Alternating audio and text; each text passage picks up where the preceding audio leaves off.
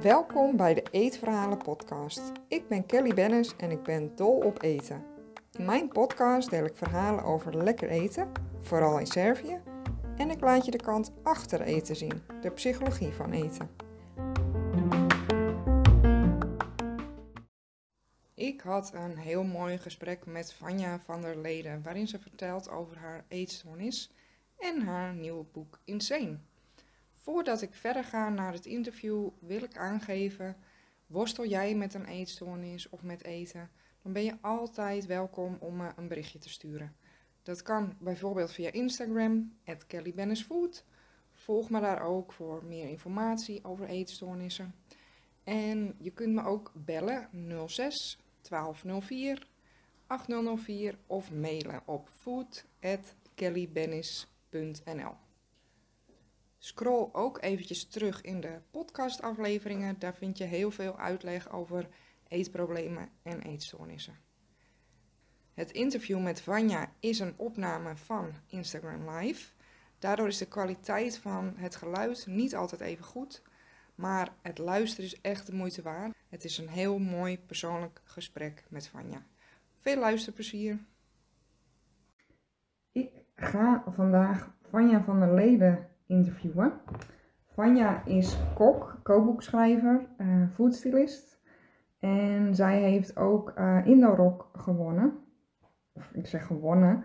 Ze heeft Indo-Rock geschreven en daarmee het Gouden Kookboek gewonnen van 2019. Ook schreef zij Indo-Stok. En vandaag hebben we het over haar boek Insane. Een heel mooi boek. Ik ga even kijken of ik Vanja erbij kan halen. Ja, hallo. Hallo. Hoor je mij goed? Ja, ik hoor je goed. Ja, mij ook? Ja. ja. Oh, er zat iets raars in mijn beeld. Nou ja, goed. Oké. Okay. Nee, is goed. Ik heb je boek net vandaag binnengekregen. Oh, echt? Nu pas? Ja. Toch weer dus, anders, uh, Om het, uh, iedereen... Wat zeg je? Toch anders om het in het echt uh, vast te houden. Ja, zeker. Dat is echt heel gaaf. En het is inderdaad anders dan voor, voor de kijkers. Ik heb de recepten van, van Vanja doorgenomen, gecheckt. En, um, de redactie. Ja, ja, de voedingskundige redactie. En ja, om het boek dan nu in, in mijn handen te hebben is wel echt heel gaaf. Het is echt heel mooi geworden. Eens kijken of ik een beetje in spiegelbeeld uh, even doorheen kan bladeren. Ja. Een fantastische fotografie van jouw man, uh, ja. Remco. Ja, hij is er heel erg trots op. Zeker, nou dat mag hij ook zijn. Het is echt heel leuk. Echt heel mooi. Ja, dus we gaan het vandaag hebben over uh, ja, een aantal dingen. Jouw boek. Ja. Uh, ja, ook de, uh, de, reden, de aanleiding voor jouw boek. Je, je hebt een eetstoornis gehad. Ja. En ook, ja, ben ik heel benieuwd. En ook veel van mijn volgers die, die worstelen ook met, met eten. Mm -hmm. Of die vinden eten juist heel leuk, hè, de combi. Ja. Wat jou ook wel bekend was. Komt ook vaak voor, blijkbaar. Ja. Ja. Ja, want wat ik, hè, je bent veel uh, in de media geweest de laatste tijd. Ja. vanwege je boek ook, hè. En wat me opviel was dat je het over bulimia en orthorexia hebt. Hè, twee verschillende eetstoornissen. Kan je daar wat meer over vertellen? Uh, nou, ik denk dat het begonnen is met orthorexia. En voor mensen die niet weten wat dat uh, precies is, dat is ja, dat je zo uh, maniacaal eigenlijk bezig bent met gezond eten, dat het dus niet meer gezond is. en daar ook, ja, ook heel obsessief over bent. En, um, en ik denk, ja, volgens mij is dat ook een niet, of niet een erkende stoornis nog, hè? Klopt, ja. Maar goed, het is wel degelijk ook, denk ik, een, ja, het zou wel erkend moeten worden, want, want dat is vaak waar het begint. Zoals ik zelf dan heb uh, ondervonden, met een ongezonde eetrelatie. Dat klinkt natuurlijk heel uh, tegenstrijdig.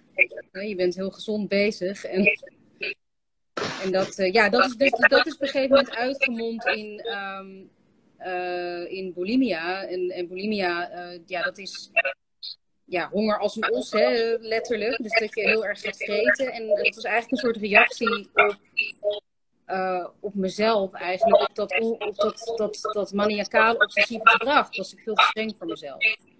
Um, dus ik denk dat um, ja, op het moment heb ik. Um, ja, ik, volgens mij hebben heel veel mensen dit in een, in een, in een min of meer, uh, meer uh, een kleinere of grotere mate.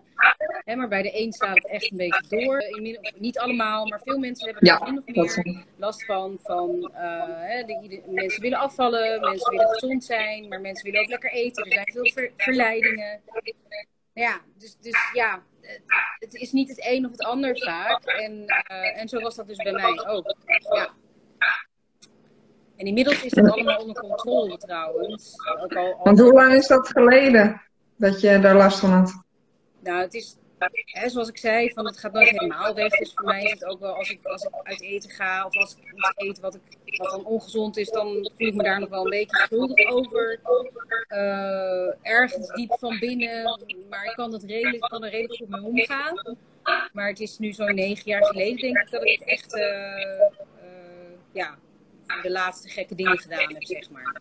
Mm en, want hoe ben je op het idee gekomen om, uh, om dit boek te schrijven, Insane?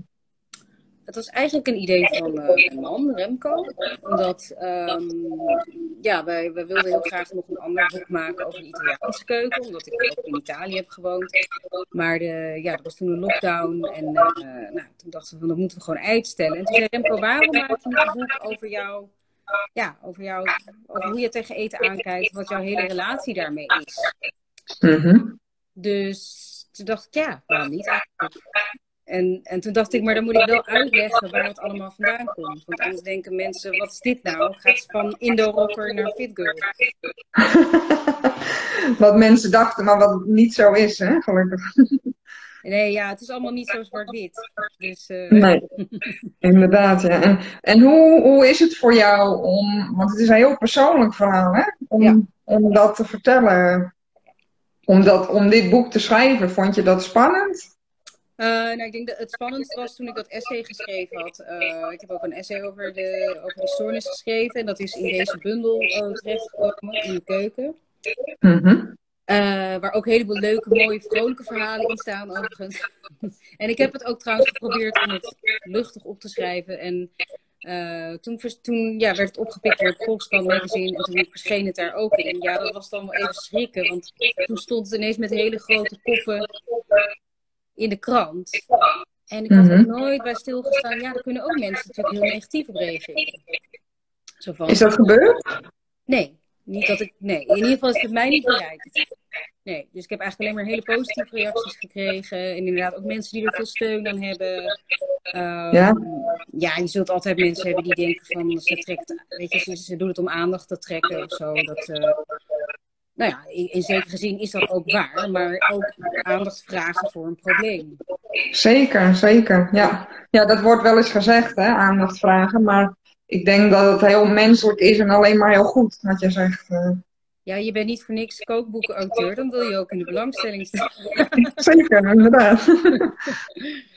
nee, maar ik, um, ja, ik, ik, ik, uh, ik lees er nu ook steeds meer over, omdat ik er zelf nu afstand van kan nemen. En um, ja, ik heb nu ook een boekje over uh, de, dit boekje, Darm en Brein. Ook heel interessant. Ik weet niet of je het kent. Mhm. Nee, ik ken hem niet. Maar ook omdat je... super interessant. Ik weet wel uh, hè, vanuit mijn werk als diëtist uh, over de connectie tussen uh, darmen en brein. Ja. En, dat is wel echt super interessant, ja.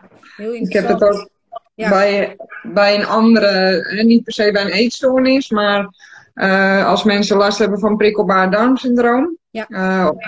dan wordt ook wel spastisch kolon genoemd dat betekent eigenlijk dat je darm dus uh, ja, heel gevoelig is. En dat komt bij heel veel mensen voor. Ja. Uh, maar eigenlijk 9 van de 10 keer heeft iemand altijd ook wel last van bepaalde emoties die daar dan meespelen. En dat is eigenlijk precies waar jouw boek ook over gaat, ja. uh, waarschijnlijk. Of die dat waarschijnlijk beschrijft.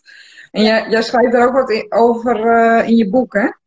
Ik, ik heb er ook een hoofdstuk aan gewijd. Ik ben natuurlijk absoluut geen specialist, hè, dus ik heb het allemaal heel uh, oppervlakkig gehouden. Maar um, het is ongelooflijk interessant. En hoe meer je erover leest, ja, hoe meer je ook realiseert. In ieder geval, ik realiseer me in retrospect hoe in wat voor visueuze uh, cirkel ik zat.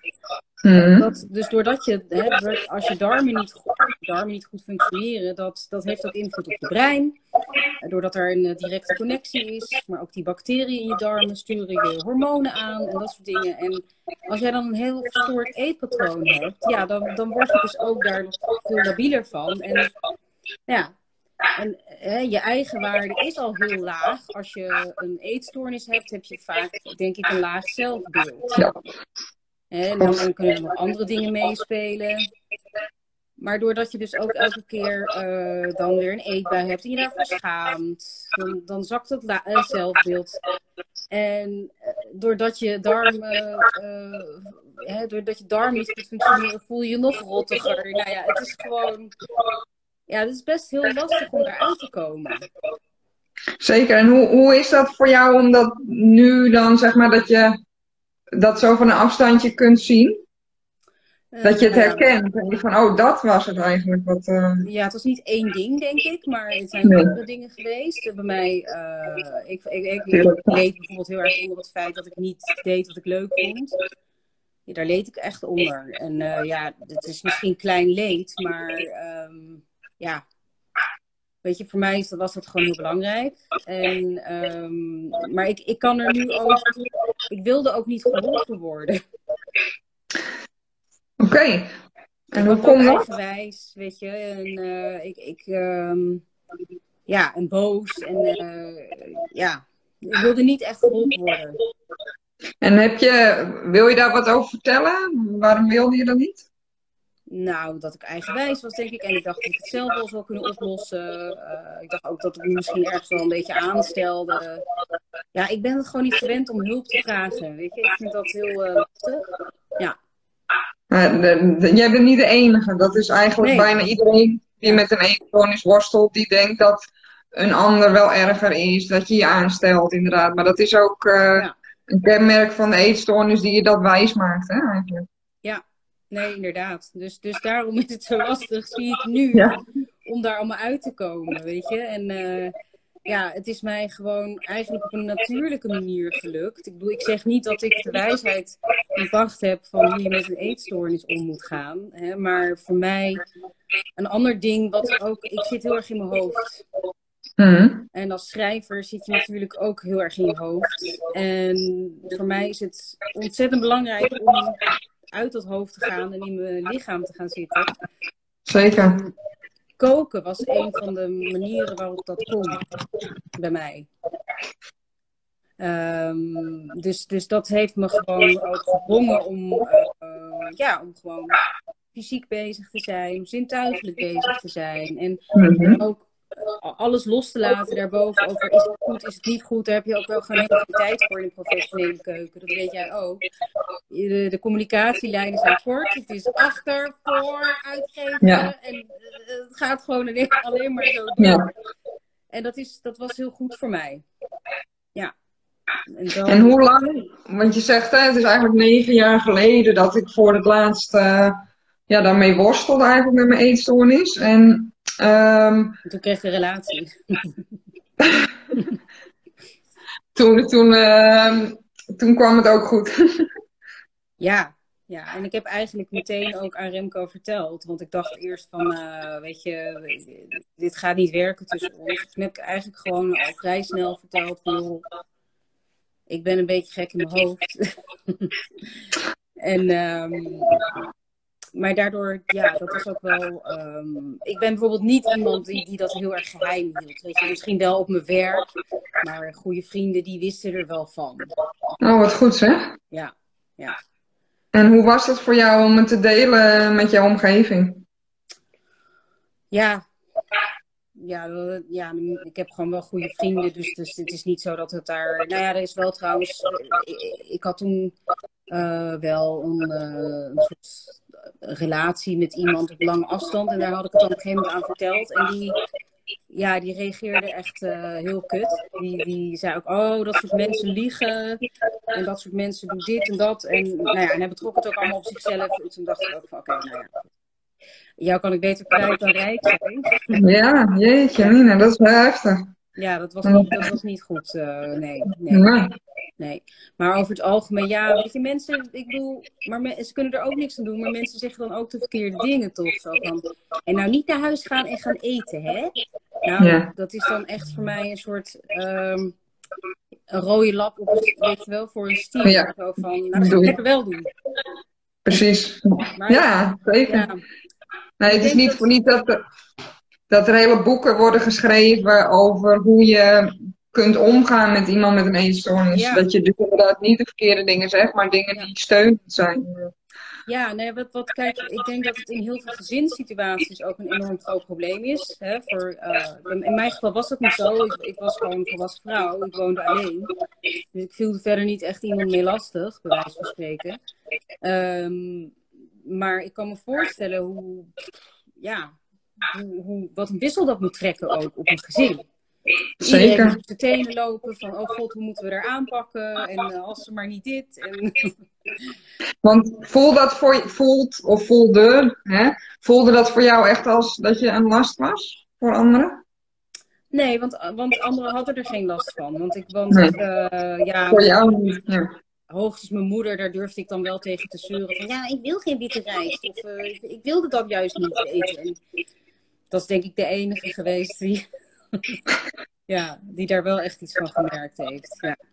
Ja, en je hoort mij af en toe uh, even tikken omdat ik uh, wat notities maak en dat ja. ik wat dingen vraag aan je. Ja.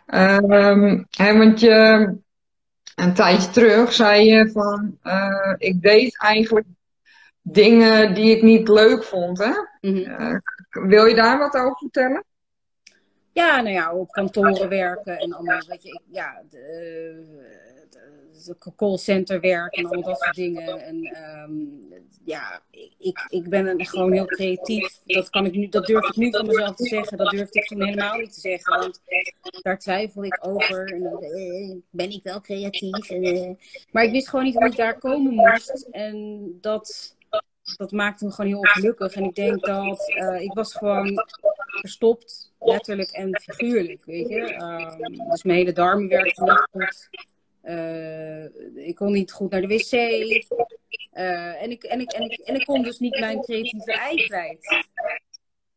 En ik denk dat dat, ja, ook, ook gewoon, ik, ik heb nu ook gewoon helemaal geen tijd meer voor, voor uh, eetbuien, weet je wel. Dat kost ook tijd. Maar ja ja, dus toch, toch door, doordat andere dingen wel echt zijn gaan lopen, is die focus toch wel echt uh, veranderd. Ja. ja. En hoe, hoe is het jou gelukt om eigenlijk wel hè, misschien zelfs te ontdekken wat je leuk vindt en, en dat ook daadwerkelijk te gaan doen? Door heel veel dingen te doen die ik niet leuk vond. Dus ik heb echt heel lang, uh, ja, ik heb echt, een echt een. Dus ik heb tot mijn dertigste echt allemaal stomme dingen gedaan, denk ik stapje voor stapje ja, werd ik steeds. Uh, ik ging in een restaurant werken, ik ging op een redactie werken. Uh, ja, en zo is dat, steeds, is dat steeds verder en beter eigenlijk mijn eigen richting opgegaan. Dus, um, en nu luister ik gewoon alleen maar naar mijn onderbuik, weet je. En dat is, eh, en dat is dus niet alleen figuurlijk, maar ik kan er dus nu ook weer letterlijk naar luisteren. Van hoe voelt mijn buik? En ik zit nog steeds heel erg in mijn hoofd hoor, moet ik heel eerlijk zeggen. En ik ben nog steeds heel perfectionistisch. En, en um, ja, ik vind nog steeds niks goed wat ik doe. Dus dat, dat is op zich nog wel nog wat werk aan de winkel. Mm Maar ja. Maar nobody's perfect, hè? Nee. Nee, was het maar zo. Het is wel grappig dat je, dat je ook aangeeft van, uh, dat je zoveel dingen hebt gedaan die je niet leuk vond. Uh, dat deed me denken aan de, wat John Halfman uh, ooit tegen mij zei. Hij zei, als je allerlei dingen hebt gedaan, dat ging dan over werken in, in keukens die helemaal niet leuk zijn. Hij zegt, dan weet je ook wat, wat je wel leuk vindt, wat je wel wil. Precies. dus, dat is precies wat jij aangeeft. Uh. Ik wilde me afbeulen in keukens, ik wilde platte grappen maken. En, uh, en kijk, en, en, dat, en in een keuken werken, dan zonder na te denken dat er gerechten ontstaan. Zonder na te denken, dat klinkt heel gek, maar je snapt wat ik bedoel. Zonder um, er eigenlijk bij stil te staan, gebeuren er dingen in een, in een flow, in het moment. En daar leer ik nu vertrouwen. Dat is, dat is heel erg fijn. Ja. Wat mooi. Mooi dat je dat zo omschrijft. Uh, ja. is eigenlijk heel, uh, ja, het is letterlijk helend voor jou geweest, hè? Maar zo, ja. zo klinkt het ook wel. Uh... Ja, we zouden een therapeutische kookschool op kunnen richten. Ja, een goed idee. Nee, maar want jij hebt ook, uh, uh, hoe heet dat? Je doet ook met neu cognitieve, neurocognitie, dat doe je ook in je therapie, toch? Ja, cognitief gedragstherapie gebruik ik inderdaad. Uh, weet je wat het is? Nee, eerlijk gezegd niet. Nee, nou ja, het is ook handig voor de luisteraars en de, de kijkers dat ik het even uitleg. Maar om het te beschrijven is uh, cognitieve gedragstherapie. Dat gaat eigenlijk over je gedachten en je gevoelens. Hè? Dus het, um, je gaat kijken eigenlijk wat zit er nou achter jouw eetgedrag. Ja. Hè, want je, je gaat met een bepaalde manier ga je om met eten. En dat heeft een reden. Ja. En dat is bij iedere persoon weer anders. Hè? Iedereen heeft zijn eigen verhaal. Je hebt je eigen dingen meegemaakt. De ene heeft uh, het trauma meegemaakt. Dat, um, dat houdt eigenlijk in dat je iets hebt meegemaakt wat voor jou ja, traumatisch was. Dat, dat zou kunnen. Um, het kan zijn dat je een vervelende situatie hebt op je werk of in een relatie. Um, ja, dat kan verveling zijn, eenzaamheid. Ja. Het kan heel divers zijn. Ja. Er, er zit altijd iets achter. Je doet niet zomaar. Uh, Hè, dat, het is niet zomaar dat je op die manier met eten omgaat. Dat komt ergens vandaan. Ja. Dus op die manier uh, ja, gaan we daar diep op in eigenlijk. Om te kijken van ja. hoe, hoe zit dat nou bij jou? Het heeft een oorzaak. Je doet het niet zomaar. Nee, dat is, dat is denk ik heel belangrijk. En dat miste ik toen in de therapie die ik volgde. En uh, nou ja, nu in dit boek staat er ook heel uitgebreid over beschreven. Over dat, dat, dat ja, dat verscheurende dilemma eigenlijk. Van aan de ene kant controle willen hebben, aan de andere kant het helemaal uh, loslaten en daarin verliezen. Mm -hmm. Maar er zitten inderdaad altijd heel veel dingen onder. En dat, um, en dat is denk ik ook heel fijn als dat erkend wordt. Dat je, um, ja, dat je dus niet alleen maar loopt aan te stellen en heel ongecontroleerd aan het buffelen bent en geen zelfbeheersing hebt. Dus dat was voor mij in ieder geval. In, ik las dat toen ergens in een boekje van uh, Deepak Chopra. Van hè, mensen die verslaafd zijn, zijn gewoon ja, zoekende en zitten in een spiritueel vacuüm. En toen dacht ik, oh ja, nou, dat klinkt wel een stuk mooier dan, ja. dan zo'n verslaving. Verslaving ja, is ook negatief.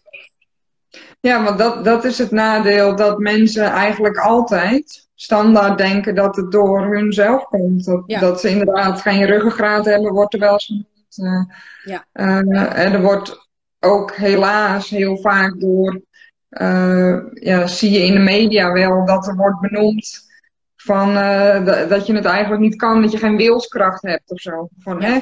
Er wordt ook zo vaak gezegd van schop om je reet. ja, terwijl je juist wat liever voor jezelf mag zijn. Ja, ja, ja. want het ligt niet aan jou. Nee. Dat, het is een, een uiting van een onderliggend probleem. Ja. Zo ontstaat een eetprobleem en kan uiteindelijk uit, uitmonden in een eetstoornis. Ja. En uh, ja, doordat er ander werk uh, ligt voor jou Ja. om, om daaraan te werken. Ja. Uh, maar omdat dat zo moeilijk is, ja, druk je dat eigenlijk weg. En dan is dat eten eigenlijk bijna makkelijker. Want dan hoef je het niet aan te gaan. Hè? De, Ja. Nee, op een gegeven moment wordt het een neurose. Het wordt gewoon een dwangneurose. Weet je, dan op een gegeven moment heb je het al zo vaak gedaan. En dan, en dan, ja, dan weet je gewoon, ja, dat ga ik dan gewoon weer doen. En dat is dan mijn, dat wordt dan mijn ding. Ja, dat is gewoon... Is dat wel eens zo... Uh, want ik vind het een interessante vergelijking wat je zegt. Is dat wel eens door een psycholoog bijvoorbeeld tegen jou gezegd? Dat het... Uh... nee. een dwangneurose zou kunnen worden? Of, uh... Nee, maar zo voelde ik dat. Van, ik, voelde dat ik werd gewoon door een soort ja, innerlijke kracht voortgestuurd op mijn fiets naar de avondwinkel. En dan, en dan, was ik, en dan dacht ik van, wat is dit? Waarom moet ik nou? Maar ik moest het echt ook doen. En dan dacht ik, ja, dit is gewoon neurotisch. Want heb, heb jij ooit, uh, dat probeer ik altijd uit te leggen aan mensen met een eetstoornis. Uh, heb jij het ervaren als een persoon die dat tegen jou zegt? Kon je dat zien als het is, ik ben het niet die dat tegen mij zegt, dat ik die dingen moet doen? Uh, ja, ja, want inderdaad, de volgende dag denk je van wat was dat nou weer voor achterlijk gedrag? Dat, dat kan je je gewoon bijna niet eens voorstellen dat je dat doet. Mm. Ja, dat, dat, dat staat ook in dit boekje. Ja, dat vond ik eigenlijk heel. Uh, dat, vond, dat is helemaal niet mooi. Maar er staat dus over. Er zegt een vrouwelijke arts tegen die psychiater die zich helemaal gespecialiseerd heeft in eetstoornissen. Zegt hij: Een eetstoornis is de vrouwelijke perversie bij uitstek. Let maar eens op hoe ongelooflijk pervers jonge meisjes kunnen zijn. Die zo onschuldig en braaf uit hun ogen kijken. Nou ja, hij zegt vervolgens ook dat hij dat heel denigrerende opmerking vindt hoor. Maar ja. um, dat perverse, dat herken ik wel. Het is ook, uh, het is ook een, hele, een heel erg groot contrast met wie je dan in werkelijkheid bent. Het is toch een soort monster eigenlijk, wat je op zo'n moment mm -hmm. hoort. Ja. Maar goed. ja, het is voorbij. Dus uh, ja, maar het is wel, uh, wel echt super moedig ook dat, dat jij het vertelt. Uh, het, het, lijkt ook wel hè, meer uh, openheid over te komen, sowieso, ja. hè, over psychologische problemen. Ja. Dat is heel goed, omdat mensen zich dan niet alleen voelen. Ja. Wat nog steeds door heel veel mensen gedacht wordt. Dus hè, ik voor de, voor de kijkers, voor de luisteraars. Uh, ik heb ook benoemd aan Vanja hè, van dankjewel voor je boek. Want het is gewoon heel belangrijk dat, uh, dat boeken zoals jou en jouw boek is eigenlijk uniek uh, voor zover ik weet op de markt.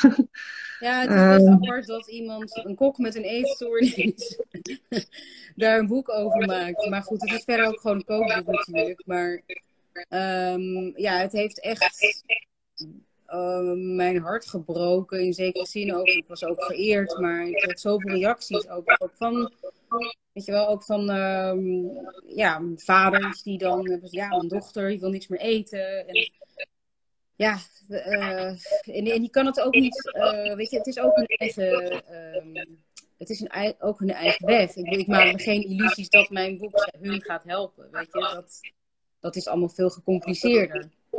Maar het helpt wel dat er over gesproken wordt, inderdaad. Dat, dat, dat is absoluut, um, ja, dat is absoluut een feit. Ja. Zeker. Ja. Maar ik, ik ben ervan overtuigd dat het wel uh, uh, iemand zal helpen. Al is het één persoon, hè? Maar ik weet wel zeker dat het er meer zullen zijn.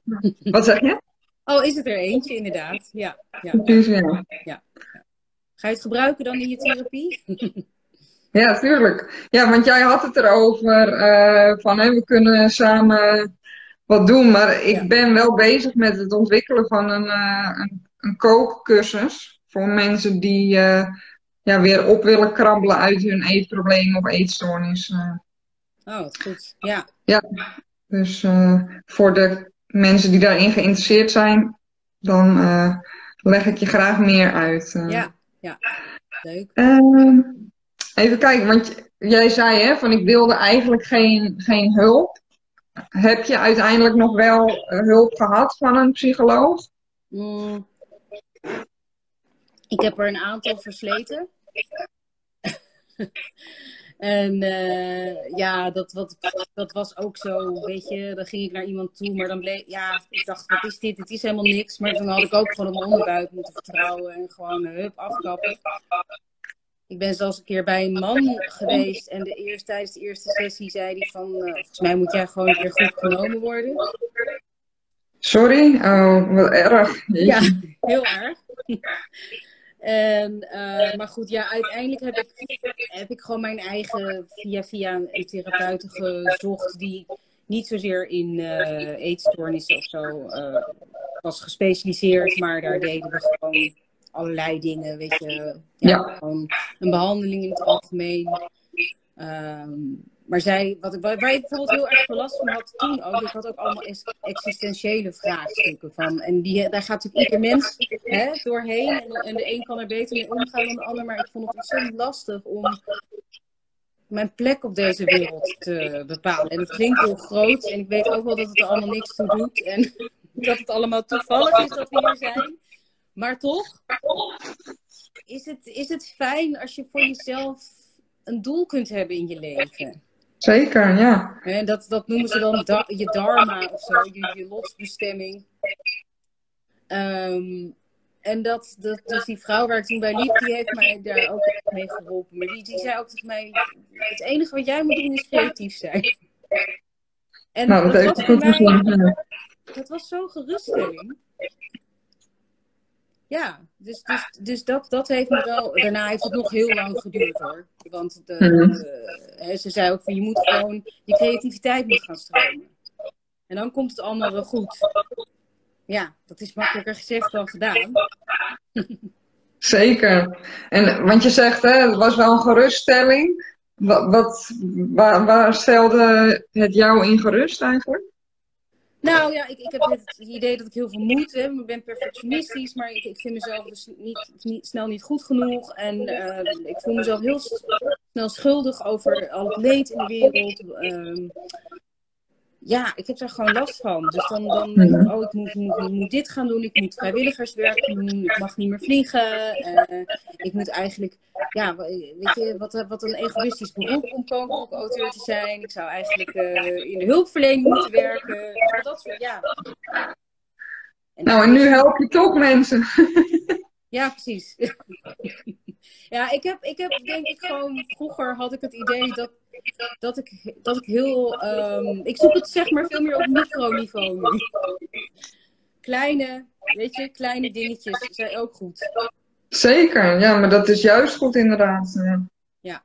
En, en dat, dat overzicht had ik gewoon helemaal niet. Weet je, dat heeft ook met je leeftijd te maken. Um, maar ik, ik dacht van, ja, hoe dan? Hoe, hoe moet dat dan, dat leven? Ja, en dan helpt het ook niet als je, hè, wat ik net al zei, dat je in die visueuze cirkel zit van slechte ja. uh, je darmen. En, en, dan kom je er gewoon niet meer uit. Ja. En je zegt, hè, want uh, die dame had toen aangegeven, je moet je creativiteit gewoon uh, ja, gaan voeden, zeg maar. En, en je zegt, dat duurde wel een lange tijd. hoe ben je daar naartoe gegaan? Nou ja, dat heeft ook nog jaren geduurd, want er, want er gebeuren ook natuurlijk allerlei dingen in een mensenleven. Hè. Uh, dus ja, er gingen mensen dood. En, uh, dus, dus dat heeft dan nog zeker vijf jaar geduurd voordat ik een stap heb durven nemen. Mm Maar toen mijn uh, vader en stiefvader alle twee vlak na elkaar overleden, toen, ja, toen dacht ik echt, nou, nou is het genoeg met dat, ge, met dat getop van jou. Weet je, toen dacht ik, nou ga ik er gewoon. Ja, en, en die angst, hè, altijd maar angst hebben. Dus angst van, uh, ja, ik ben gewoon onwijs onzeker door een laag zelfbeeld. Dus dan durf je geen dingen aan te pakken. Nu denk ik, daar ben je... onwijs zonde gewoon. Echt zonde. Zonde van mijn tijd. Maar ja. Dus ja, toen heb ik er gewoon doorheen gebeukt. Maar ook, ook daar ben je best wel weer hard voor jezelf, hè? Dat je zegt van, uh, heb je twee mensen verloren die heel dicht bij je staan? Denk ik. Ja. Uh, en, en dan zeg je, nou, uh, nu niet meer tobben, huppa. Nee, ja, tuurlijk. Ik, ik, ik, ik geef even een korte versie van het verhaal, maar... ik heb mezelf ook heel zielig gevoeld en heel veel gehuild in. Maar het besef dat. Hè, toen, was ik, toen was ik ook al midden dertig. Dat zijn al heel veel jaren die je gewoon verspeeld hebt. Terwijl het had allemaal niet gehoeven. Want wat vind je dan precies verspilling? Nou, dat, dat, dat, dat die, al die angsten en het niet durven doen en zo onzeker zijn en, en jezelf zo um, mentaal zo mangelen. Mm. Dat is zo zonde. Het is zo niet nodig. Ah, ja, nu, dit- nu is dat heel makkelijk hè, voor mij om dat te zeggen. Maar dat, dat zeiden mensen toen ook tegen mij. Wat is er nou aan de hand? Je hebt toch een leuk leven? Je ziet er leuk uit. Je hebt een lieve familie. ja, maar zo werkt het natuurlijk niet. Nee, zo werkt het niet. Maar ik vind dit wel een hele interessante wat je zegt. Want ehm, het is natuurlijk iets wat heel veel mensen zich afvragen. En misschien achteraf, hè, wat je zegt. Nou ben ik geen psycholoog. Ik ben wel opgeleid door een psycholoog. Maar ik vind het echt een hele... Ja, iets waar we een hele podcast over op zouden kunnen nemen. Dus Ja. ik ga wel even aan een psycholoog vragen. Ja. Hoe, eh, hè, dus om het even samen te vatten, wat jij zei, was eigenlijk dat je nu beseft, waarom heb ik zoveel tijd verspild aan mijn angsten en zo. Ja. Ja, terwijl, ja, het leven, je weet, je- ja, het zijn clichés, maar je leeft maar één keer. En, en ja, je moet er gewoon, ja, je moet gewoon op je bek gaan en eh, Ja, ervan genieten. Er gewoon van Zeker. genieten. En, en, en, da- en dat, dat doe ik echt nu met volle teugen. Ehm, hoewel ook heel veel werk. maar het is heel leuk werk. Maar dat, dat, dat wil ik ook met Insane. eh, hè? Dus, dus, dus daar, het is heel vrolijk. Het is ook gewoon, ja, je moet gewoon echt genieten van eten ook, denk ik. Als, het, als, dat, als dat je lukt. Want het is, ja. Ja, ik bedoel, het is natuurlijk sowieso al een voorrecht dat, we, dat wij alles kunnen eten wat we willen. En hè, dat, dat het is allemaal, ja, het zijn allemaal positieve Zeker. dingen. En, en ja, Remco die zegt ook gewoon van, we gaan het gewoon doen en we zien het wel. En het is echt een mooi boek geworden. En ik zag ook al een mooi compliment voorbij komen. Dat eh, iemand schreef van normaal eh, sla ik al die teksten over. Ja, Hè, die in het, daar hebben wij het nog over gehad. ja, ja, ja. ja, ja. Weet je wel, ehm, we hebben het nu over eh Vanja's boek Insane. En eh, je, hebt, je hebt in het begin allerlei teksten, hè, voordat de recepten komen eigenlijk. En eh, die, diegene complimenteerde jou dat dat ook echt goed was, eh, interessant om te lezen. Ik Nou, weet de precieze Ook woorden niet, maar want dank je, dank je. het ingrediëntenhoofdstuk, dat, eh, dat was, de, het was het moeilijkste stukje, denk ik, om goed op te schrijven over. Het is natuurlijk heel lastig om over gezond eten te schrijven, denk ik. Eh, ja, jij bent dat hè, veel meer gewend.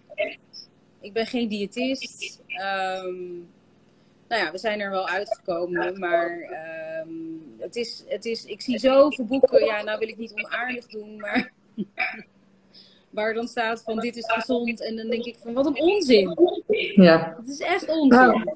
Ja, nou, dat ben ik helemaal met je eens. Daarom vind ik het zo super tof dat jij hebt gezegd van het is best gezond. Ja. Eh, eh, het was een manier om jezelf in te dekken, maar, Ja, maar dat, dat is ook gewoon waar. Want ja, hè, ik, eh, voor degene die wil weten wat is gezond nou eigenlijk, nou, Ja.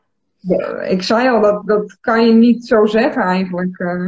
nee. Hè, want het hangt, het hangt van de persoon af, het hangt van de situatie af, het hangt af van wat je eet, het hangt af van hoe je lijf erop reageert, zoals jij zei, hè, of wat jij hebt ervaren eigenlijk. Ja, ja, ja, ja. Nou, en dan heb ik nog een heleboel factoren niet eens genoemd. Het is Maar niet ook eenduidig te beantwoorden. Nee. Nee, nee, is ook niet. En, en dat zal ook altijd blijven veranderen, omdat eh, ja, er is nou eenmaal, en dat beschrijf jij ook in je boek, ehm, dat we al zo lang onderzoek doen naar eten, naar Ja. voeding.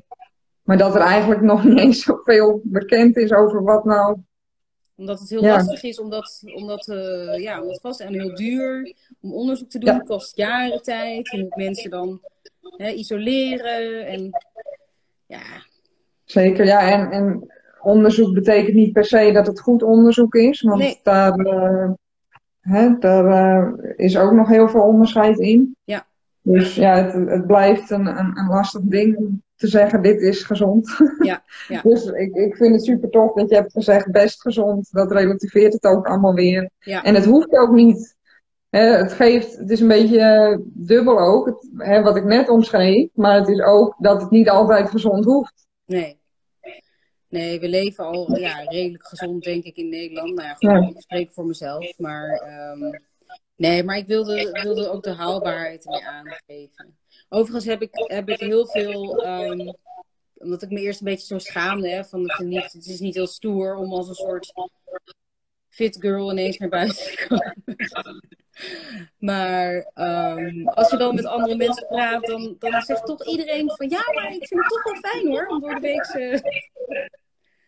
gezond te eten. Weet je? Dus ondanks dat mensen ook heel erg van eten genieten, of zoals Anthony, Bourdain, Anthony Bourdain had um, iemand tegen mij gezegd, Mokum Eet, de Instagram van Mokum Eet, die had gezegd ja. van... Um, nou, hij had in zijn vrije tijd acai bowls. En uh, ja, toen liet hij ook een foto van zijn uh, app zien. Toen dacht ik ook, ja, dat kan ook niet als je alleen maar van die troep eet die hij dan op camera had. Dus het is ook natuurlijk een beetje zo stoer, hè? een beetje stoer gedrag.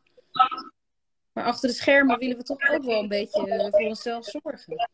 Daarom, nou ja, gelukkig maar toch. Maar dat is juist een mooie combi. Uh, ja. Dat je en heerlijk kunt genieten en ook tegelijkertijd lekker ja, goed voor je lijf zorgt. Uh, ja. Dat is een mooie combi. En heel om nog terug te komen op dat gezond. Jij hebt ook verteld in je boek van dat je eigenlijk doorgeslagen bent in het gezond eten. Dus daar heb jij een heel mooi voorbeeld van gegeven. Waarom het zo belangrijk is om best gezond te eten en niet perfect gezond te, na te streven. Want dat, dan kan je doorslaan in, in orthorexia of een, of een andere eetstoornis. Eh. Ja, ja. ja, en dat is voor je omgeving ook niet leuk. Nee, maar... Word je ook niet meer uitgenodigd op feestjes? maar voor, je, voor jezelf lijkt het me het belangrijkste dat het voor jezelf niet leuk is. Ja, ja. Het leven moet wel leuk blijven, toch? Precies, ja. Het leven moet wel leuk blijven. Had je nog vragen? Wat zeg je? Had jij nog vragen? Ja, ik had als vraag uh, nog voor... Heb jij een tip voor andere mensen die met een eetstoornis worstelen? Of tips? Um, ja, dat vind ik dus heel lastig te beantwoorden, omdat ik absoluut niet de wijsheid in pacht heb. Maar um, in ieder geval dus um, probeer uit te vinden waar je blij van wordt. En ja, dit klinkt allemaal heel erg uh, coacherig, eh, terwijl ik dat niet ben. Um, maar je bent ervaringsdeskundige, hè? Dus dat is... Uh... Ja. Alles is goed, wat je zegt. Het komt vanuit jou. Dus het is, alles is goed. Je kan het niet fout zeggen. Nee, ja, goed. Weet je, dat, dat, dat je drie maaltijden per dag eet, ja, dat, dat, dat is natuurlijk ook een van de eerste dingen die uh, geadviseerd wordt. Um, maar ja, op zich is dat wel, dat helpt wel echt. Ja. En waarom heeft het jou geholpen? Nou, niet per se die drie maaltijden. Ja, ik hou gewoon echt wel van, uh, van ook een uh, maaltijden eten. Ik ben niet zo snoeper tussendoor. Maar um, nou ja, omdat je dan gewoon, dan eet je eigenlijk best veel. En, dan zie je, en eigenlijk als je dan goed voelt, dan ben je ook echt wel verzadigd. Mm Maar het moet ook wel echt heel lekker zijn, vind ik persoonlijk. Weet je, want, want het moet niet alleen verzadigen uh, of van uh, ik zit vol. Het moet ook echt dat je denkt, wow, wat heb ik lekker gegeten. En ja, wat er misschien een tip is, wat, wat mij heel veel geholpen heeft, is dat ik op een gegeven moment uh, achterkwam dat, uh, dat kwam ook doordat ik een vriendin heb die in Ayurvedische voeding is gespecialiseerd. Die zei tegen mij, um, ik had bijvoorbeeld ochtends altijd kiddies, om dan naar de wc te kunnen. Nou, ik ging helemaal niet naar de wc. En ze zei, dat heb je helemaal, jij moet ochtends gewoon warme pap eten. En je, bent, je, bent, je hebt sowieso een hele aardende voeding nodig. Mm -hmm. Nou, dat klinkt misschien een beetje vaag voor mensen die niks van Ayurveda weten, maar wat ik ermee wil zeggen is, ik, ik heb toen gewoon gezegd, ik heb dit nodig. Heb ik voor mezelf besloten. Ik heb dit soort eten nodig, lekker comfortfood. En sindsdien, ja. En, en ik had ook zoiets, en ik word daar niet dik van. ik heb dit gewoon nodig. Precies, ja, zeker. Ja, maar dat idee waar mensen dik van worden, dat... Dat is ook, ja, dat, dat, dat is misschien ook nog een tip van... Um, ik denk ook dat ik zelf de verkeerde uh, conclusies trok. Hè, doordat, ik nog niet, doordat ik er um, niet al te veel van afwist. Ja, dacht ik inderdaad dat je dik zou worden van, um, weet ik veel, gebakken aardappelen bijvoorbeeld. Hmm. Weet je, vroeger woonde ik met mijn broer samen en dan zei zullen we weer gebakken aardappelen maken? En ik, nee, nee, nee, we hebben gisteren ook al gebakken aardappelen. En dan dacht ik, want daar word ik echt dik van. Ik eet nu het liefst elke dag gebakken uit. Heerlijk. En bijvoorbeeld toen ik leerde hoe um, uh, mayonaise gemaakt wordt. Vroeger hield ik niet van mayonaise. Ik, ik at het liefst friet zonder mayonaise. In, inmiddels vind ik mayonaise echt heerlijk. Maar ook omdat ik weet hoe het gemaakt wordt. Weet je, ik, oké, het is dus een ei, een beetje azijn en, en wat plantaardige olie. That's it. Heerlijk toch, ja? Het kan toch niet slecht zijn? Nee. Nou, en dan natuurlijk alles met uh, mate. Maar door, maar door daar dus veel over te weten, uh, leerde ik ook veel beter relativeren. Dus ik denk dat dat, ja. Maar goed, nou ben ik natuurlijk ook bovenmatig in eten geïnteresseerd. Hè? Dus ik vind dat ook, uh, ja. als je dat als advies geeft aan iemand die in eten verder niet zo erg interesseert. Maar dan, ja, dan zou ik ook adviseren om, ga je vooral bezighouden met dingen waar je, ja, waar je vrolijk van wordt. En waar je, waar je echt, waar je interesse ligt. Ja, dat vind ik wel echt een topadvies. Het is ook heel mooi om te horen dat je hebt leren luisteren naar waar jij blij van wordt. Hè? Ja. Dus echt van, ik ben eten gaan eten waar ik me goed door voel. Uh. Ja, en, en, en ook wat bij zo mij goed werkt, want ik ben nog steeds streng voor mezelf. Uh, dan, dan zeg ik van, um, oké, okay, stel dat je beste vriendin dit heeft gedaan. Wat zou je dan, wat zou je dan, uh, zou je het erg vinden? Ik heb alweer een paar fouten ontdekt in het boek. En dan denk ik, godsamme. een boek zonder fouten bestaat niet, hè? Nee, bestaat ook niet. Maar, uh, en, dan, en dan denk ik, oké, stel dat Monique dit had. Stel dat Monique een paar fouten had gemaakt. Dan zou je echt je schouders ophouden. Dan je denken, ja, lekker boek. Je zou nog steeds van haar houden. En elke keer als ik zo doe, dan denk ik, oh ja, even... Oh, ja. Hele goede tip, uh, super. Ja. Ik ga heel eventjes kijken ook of, uh, of er mensen een vraag hebben gesteld. Um, wil jij zelf nog iets toevoegen voordat we overgaan op de vragen? Um, even kijken hoor. Wil je nog iets zeggen over je boek? Wil je nog iets anders kwijt over je eetstoornis? Nou ja, wat, wat, ik, wat ik ook, wat ik ook uh, nu leer over uh, mensen die, die een eetstoornis hebben, dan wel bulimia, anorexia of orthorexia. dat verstoorde lichaamsbeeld, dat, daar lees ik nu ook van alles over. En dat dat ook iets is wat in je brein, ja, ik weet niet of ik het goed vertaal, maar dan, dan dat, je lichaamsbeeld wordt bepaald in je insula of zo, in een bepaald deel van je brein. Ja, dat is te specifiek. Dat, dat, dat zou ik een psycholoog moeten vragen. Ja. Maar, maar ga verder. In ieder geval, daar is dus gewoon echt iets mis. Er is iets mis met dat lichaamsbeeld. Want, want ook als ik nu terugkijk naar foto's van mezelf van toen, waarvan ik dan dacht, oh, ik had toen een hele opgeblazen dikke buik. Nou, ik, ik, denk echt, ik zie helemaal niks. Waar had ik het over? Uh, Dus die realisatie, dat je daar iets aan gaat doen. Omdat je echt, dat je, dat je het, het, ligt niet alleen aan jou, maar je hebt gewoon een, een verkeerd beeld van je lichaam. Ja, mijn moeder zei dat toen ook altijd tegen hoor, maar... Ja, om een voorbeeld te geven, um, hè, voor degenen die dit misschien herkennen, uh, je kan hiervoor naar een psycholoog, die kan je daarbij helpen om, ja. uh, om dat beeld uh, te herstellen, om daaraan te werken. Um, LSD schijnt ook te helpen. Oké, okay. nee, daar ben ik nog een keer. Staat u Staat daarin ook. Um, want je hebt bijvoorbeeld anorexia-patiënten die uh, hebben ze wel testen gedaan. Dat, dat je bijvoorbeeld een hoepel hebt waar je dan in moest gaan staan. Ja. En dan aangeven uh, ja, hoe, wat jij ervaarde al, als lichaamsomvang. Ja. En die was dan veel groter dan dat ze in werkelijkheid waren, inderdaad. Ja. Dus dat, dat is wat jij ook omschrijft. Uh. Maar die, maar, die, maar die psychiater omschrijft dat hij had dus een man, een mannelijke patiënt. En die was dus ook obsessief bezig met zijn lichaam. Die heeft dus een keer LSD laten nemen. En toen met hem. En toen hebben ze, uh, nou ja, dus, er schijnt dan een soort bepaalde connectie, uh, wordt dan, of, of er wordt iets opengezet in ieder geval. En waardoor hij zijn lichaam toch op een hele andere manier ging ervaren. Dat was echt heel interessant om te lezen. Ja, ik wil niet iedereen nu aan de LSD helpen of zo, hè? maar... Precies. Want ik neem aan dat het na, als dat uitgewerkt is, dat het dan weer weg is, of niet? Dat effect.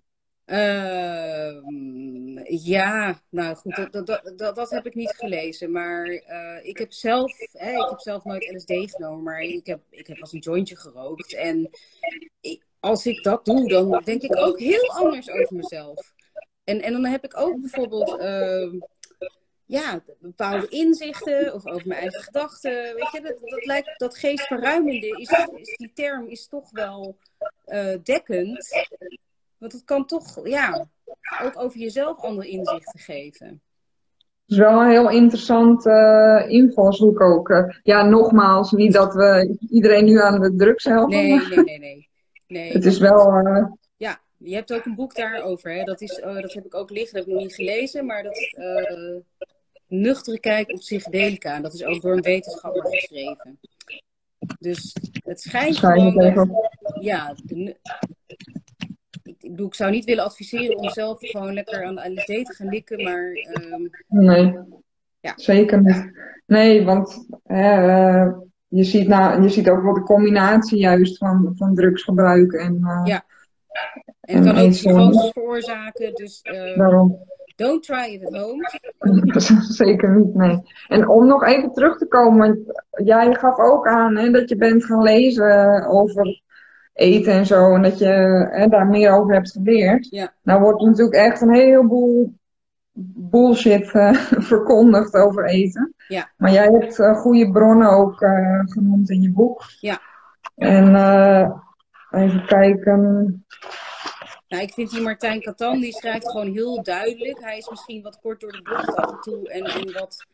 Um, nou, niet kort door de bocht. Hij, dat is ongeveer de, de, de, de, de de meest geleerde voedingswetenschapper die er is. Maar um, hij is wel vrij uh, rechtlijnig, denk ik.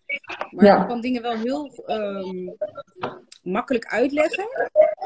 Dus dat, uh, daar had ik veel aan. En ook op een hele nuchtere ja. manier. Bijvoorbeeld suikers zijn suikers, weet je wel. Of het nou uit de knolselderij is of van poedersuiker. Je lichaam ziet dat als suiker.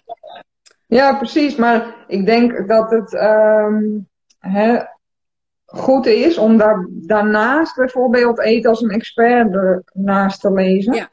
Uh, omdat uh, wat Catan zegt, hè, dat, dat klopt dan, maar dan heeft hij het soms, bekijkt hij het alleen van één bepaalde hoek. En dan ja. mist er zeg maar wat context, waardoor ik het niet altijd met hem eens ben. Nee. Maar dat is puur dat het zeg maar uh, wat hij beweert klopt, maar het is niet het volledige verhaal, waardoor het uh, een beetje raar overkomt. Ja, en waarschijnlijk laat hij Soms.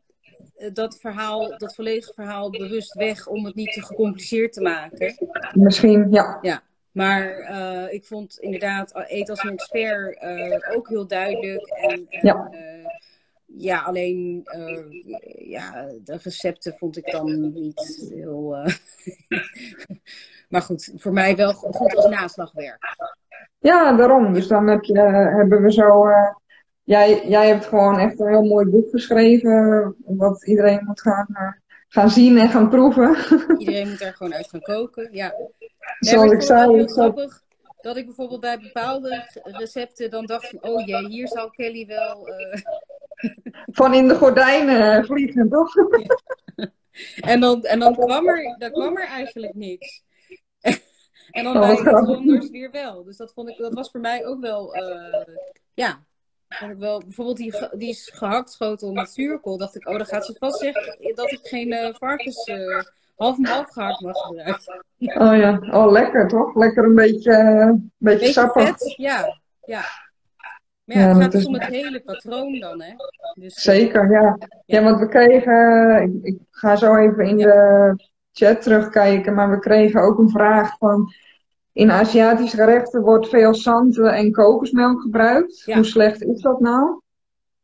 Ja. Uh, nou ja, dat wil ik eigenlijk gelijk de wereld uit helpen. Daar had ik het net met uh, Vanja al even over. Um, ja, want er wordt bijvoorbeeld, er wordt al geïmpliceerd dat het slecht is. Hè? Er, er zit in kokos natuurlijk verzadigd vet. Ja. En uh, er wordt gezegd van, nou, verzadigd vet, daar moet je een beetje mee opletten, niet te veel. Um, maar dat hangt ook weer af van je hele eetpatroon. Je kan Ja. prima kokosmelk en zanten gebruiken en andere producten met verzadigd vet. Uh, als jij, ik zeg maar wat, hè, havermout is heel gezond. Maar als je alleen maar havermout eet, is dat ook niet gezond. Nee. Eh, en wat jij net al zei, het is het hele patroon. Het gaat om het geheel aan voeding wat je eet. Uh, Je kan niet, eigenlijk kan je bijna niet zeggen van één voedingsmiddel dat het ongezond is of gezond. Want het hangt van je totale voeding af. Ja, ja maar dan wil ik wel uh, nog iets daar over die kokos zeggen. Dat is natuurlijk, kokos is, hè, was, vroeger was dat gewoon vet, zeg maar. Zo, werd het, uh, was het, zo, zo was de opinie. En op een gegeven moment is het een soort van uh, fit girl eten geworden. En um, ja, dus alles met heel veel kook, ramvol kokos dingen. Dan denk ik, ja, dat is nou ook weer niet de bedoeling. En nee, hij beschreef het mooi van ah, beschouw het als boter. Prima om te gebruiken, maar uh, doe een beetje rustig aan. Ja, daarom, dat, dat kan prima inderdaad. Ja. ja. ja. Ja, want ik heb ook wel inderdaad gezien in mijn praktijk mensen die dan werd aangeraden van, oh, je hebt een te hoog cholesterol, dan moet je aan de kokosolie, uh, dat is supergoed. En hun, hun, cholesterol was dus juist veel hoger geworden sinds ze dat deden. Ja, dus. moesten ze gorgelen met... Uh... en dan, dan het woord cholesterol zeggen. Ja. Zo is het. En toen schoot hij omhoog. Ja, ja, ja, ja. er wordt echt zoveel beweerd over voeding, joh. Ja. Dus uh, zo fijn jouw boek. Uh, Eindelijk is uh, een boek zonder onzin. ja. ja, nou, ik ga nu door de vragen even kijken. Want er waren een heleboel mensen aanwezig, dus ik weet niet of ik. Even kijken. Als er nu iemand een vraag heeft, dan stel hem. Ja, misschien weet je wat ook nog veel over. Ook misschien dat er over. Of moet je in de tussentijd kijken? Ja? Nee, want ja, je kan wel praten, maar ik weet niet of ik je hoor. nee, ja, dan wilde ik jou nog een vraag stellen. Maar dat is een beetje onhandig als je, um, als je nu aan het kijken bent. Ja, ik kijk, kijk heel eventjes inderdaad. Uh... Stel dat ik nou een vraag van iemand over het hoofd heb gezien, uh, stel hem dan alsjeblieft nog even. Ja. Wat wilde je mij vragen? Nou ja, over koolhydraten, daar wordt toch, dat is toch ook altijd een soort van, dat is nu ook helemaal uh, hype, dat we allemaal keto moeten. En, uh, ja. Heb je het boekje van Teun van de Keuken gelezen? Van dit is geen... Nee, nog niet. Maar ik ben wel heel benieuwd, want ik zag hem nog langskomen. Het is heel leuk omschreven en heel nuchter ook weer. En ehm, nou ja, hij, hij gaat al die diëten af. Het is, het is super interessant ook om te lezen. En het is ook heel fijn dat hij het allemaal gedaan heeft hoeven wij het niet te doen. Nee, precies. En uiteindelijk is zijn conclusie, denk ik, min of meer, uh, hè, zij het veel uh, journalistiek diepgravend. um, maar toch ook komt het op hetzelfde neer ja, als dit boek in zee.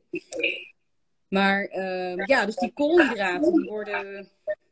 Wat, wat, wat, wat, is daar zo, wat is daar dan zo erg aan? Wat is er zo slecht aan? Nou, dat is de vraag waar dat eigenlijk vandaan komt. Want je hebt koolhydraten nodig. Ja. Uh, om een voorbeeld te geven, je hersenen draaien op koolhydraten. Je kan niet zonder koolhydraten, dus het is gewoon eigenlijk heel belangrijk. Ja.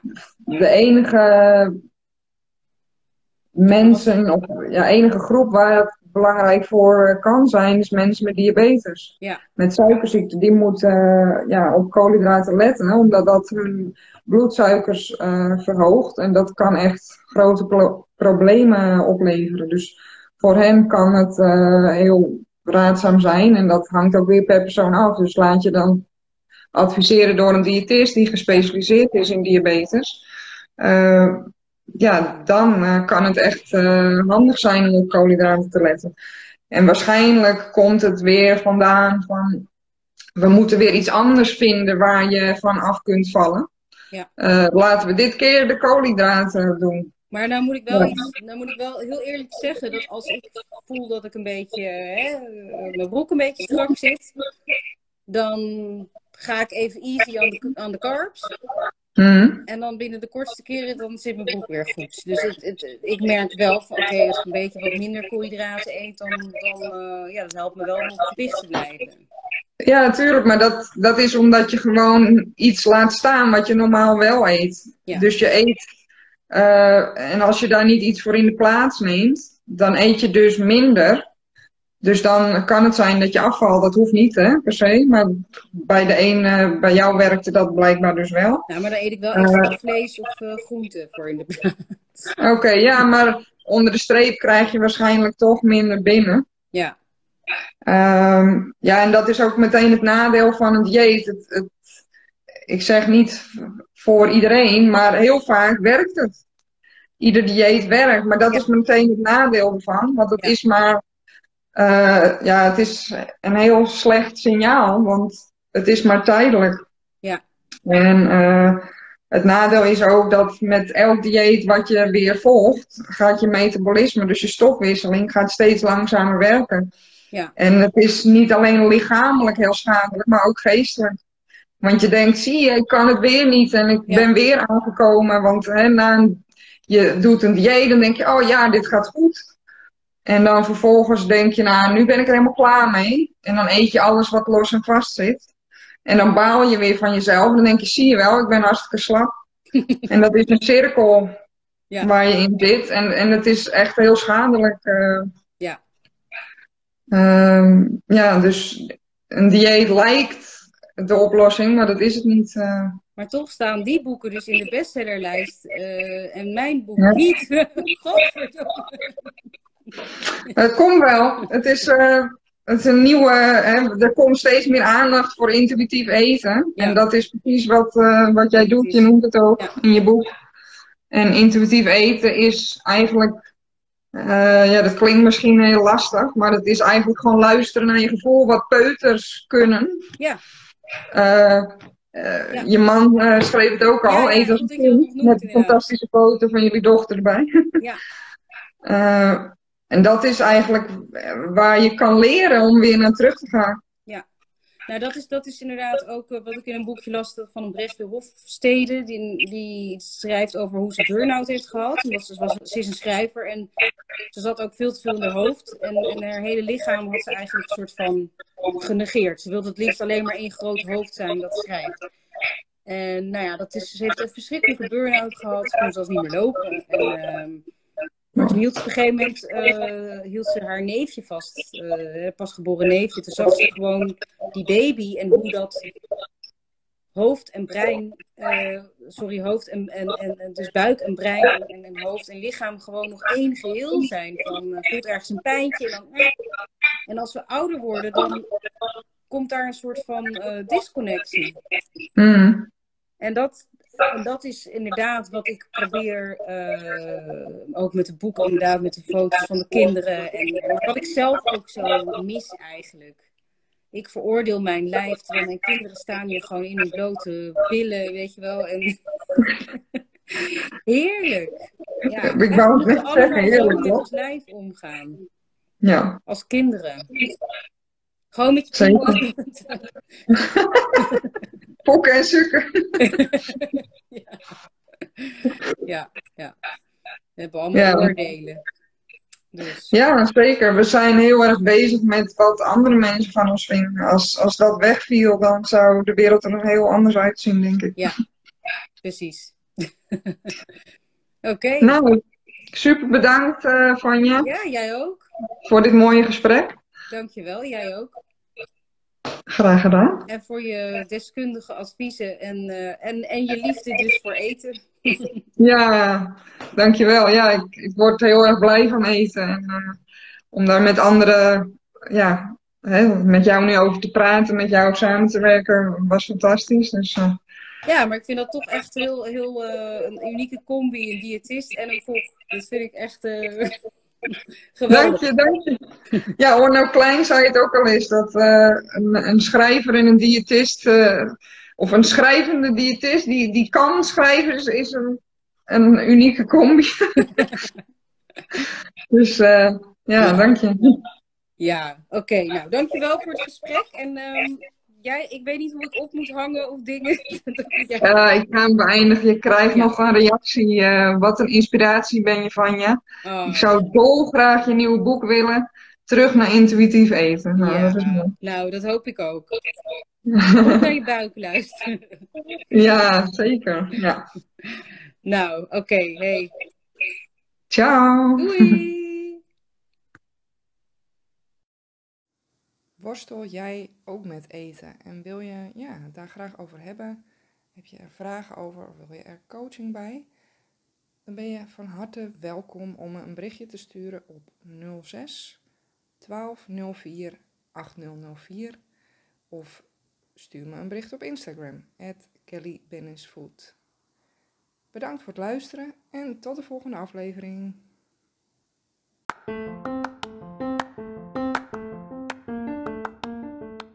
Vond je het leuk om hier naar te luisteren? Of denk je dat het interessant is voor iemand anders? Deel mijn podcast, bijvoorbeeld met een screenshot op Instagram en een tag naar mijn account. Alvast super bedankt. Je kunt me bereiken via kellybennis.nl en daar vind je ook mijn social media kanalen. Heb je een vraag of een verzoek voor een bepaalde aflevering? Laat het me weten. Dat vind ik echt super leuk als jij ook je input geeft. Tot de volgende aflevering.